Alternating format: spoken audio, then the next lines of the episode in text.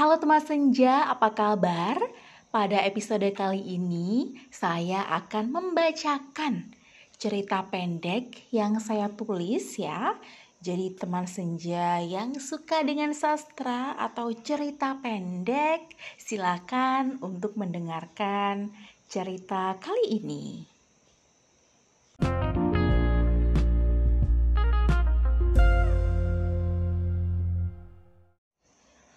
Waktu berdetak memecah malam yang kelam. Suryo tertegun di antara ketiga buah hati yang beranjak dewasa dan membutuhkan banyak lembar rupiah untuk masa depan mereka. Beralaskan sebuah kasur sederhana, kelapang dadaan mereka yang tak tergoyahkan. Menerima apa adanya itulah keindahan bagi mereka.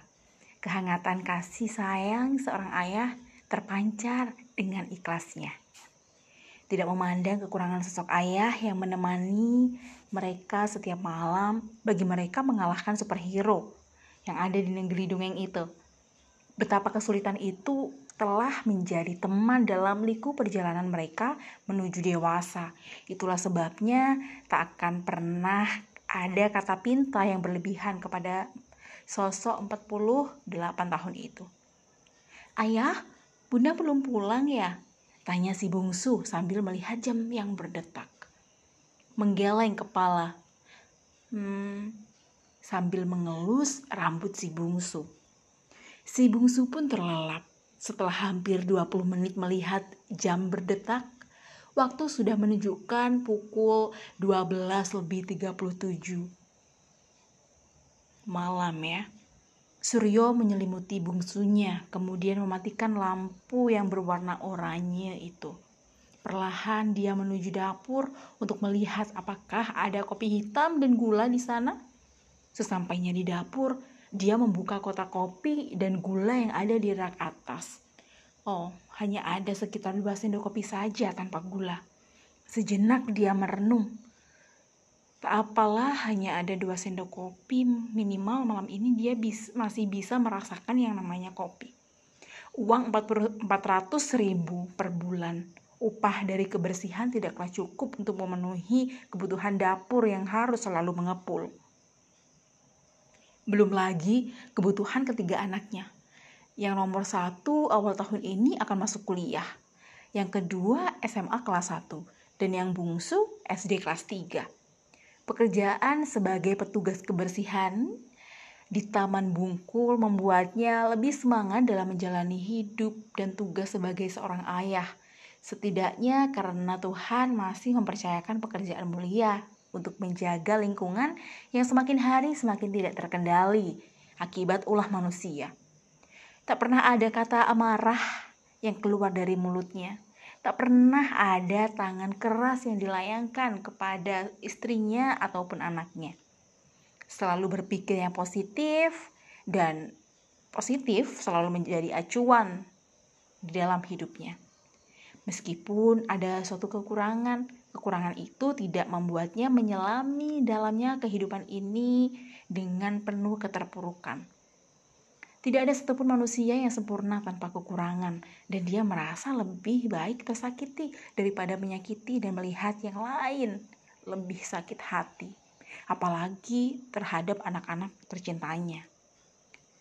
Siapa pun orang tua, pasti dia akan berusaha memberikan yang terbaik untuk anak-anaknya.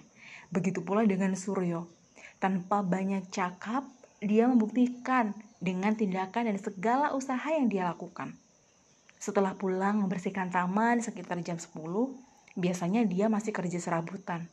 Apa pun pekerjaan akan dilakukannya. Sebagai seorang yang beragama, dia tidak pernah meninggalkan kewajibannya lima waktu. Lima waktu itu menjadi tiang dalam bangunan hatinya. Meninggalkannya berarti membiarkan tiang itu perlahan merapuh. Dan jika sudah roboh, akan sukar untuk membanahinya. Jika orang lain mengatakan Suryo tak akan mampu membiayai sekolah ketiga anaknya, mungkin iya ketika melihat Suryo hanyalah seorang tukang sapu dan buruh serabutan. Akan tetapi, jika Tuhan sudah berkehendak, maka semua pasti akan terjadi, bukan? Tidak mustahil Suryo bisa menyekolahkan anaknya setinggi mungkin. Dalam sepertiga malam yang sunyi, Zulaiha terperanjat dalam kehusyuan doanya, berhenti dan tak sengaja mendengar. Mendengar Suryo. Suryo mendengar bahwa Zulaiha mengadu kepada penciptanya. Ya Tuhan, Tuhan semesta alam, tidak ada kekuasaan yang lebih besar selain kekuatanmu. Tidak ada kekuatan yang lebih besar kecuali kekuatanmu. Jika suatu saat kau mengizinkan aku mengangkat derajat orang tuaku, permudahlah jalanku. Sungguh tak ada yang lebih membahagiakan dariku selain bisa melihat kedua orang tuaku tersenyum dan hidup senang bahagia di usia senjanya kelak. Ketika melihat anak-anaknya sukses sambil meneteskan air mata. Ya Tuhan, semoga setelah bulan depan saya lulus, saya bisa melanjutkan kuliah. Meskipun hanya di sekolah yang mungkin tidak baik, tapi saya ingin saya ingin untuk saya ingin untuk meraih semua cita-cita saya. Air hangat tanpa terasa membasahi pipinya. Betapa bangganya hati seorang ayah mendengar pinta anaknya yang luar biasa. Sebenarnya telah lama, hampir tiga tahun, Suryo menabung secara diam-diam tanpa sepengetahuan istrinya. Dia berniat akan mengambil tabungannya ketika Zulaiha akan masuk ke, ke perguruan tinggi. Dilihatnya jam dinding itu, namun istrinya belum kunjung datang. Setiap hari, setiap malam dia selalu was-was terhadap istri tercintanya. Kerja malam yang dijalani sang istri membuatnya kepikiran. Namun, dia hanya bisa berdoa semoga istrinya selalu dalam lindungan Tuhan. Sebenarnya dia tidak mengizinkan istrinya untuk bekerja di malam hari. Tapi bagaimana bagaimana lagi, istrinya tetap ngotot dengan alasan untuk anak-anaknya. Jadi apa boleh buat? Tidak ada yang bisa dilakukan Suryo selain mengizinkannya.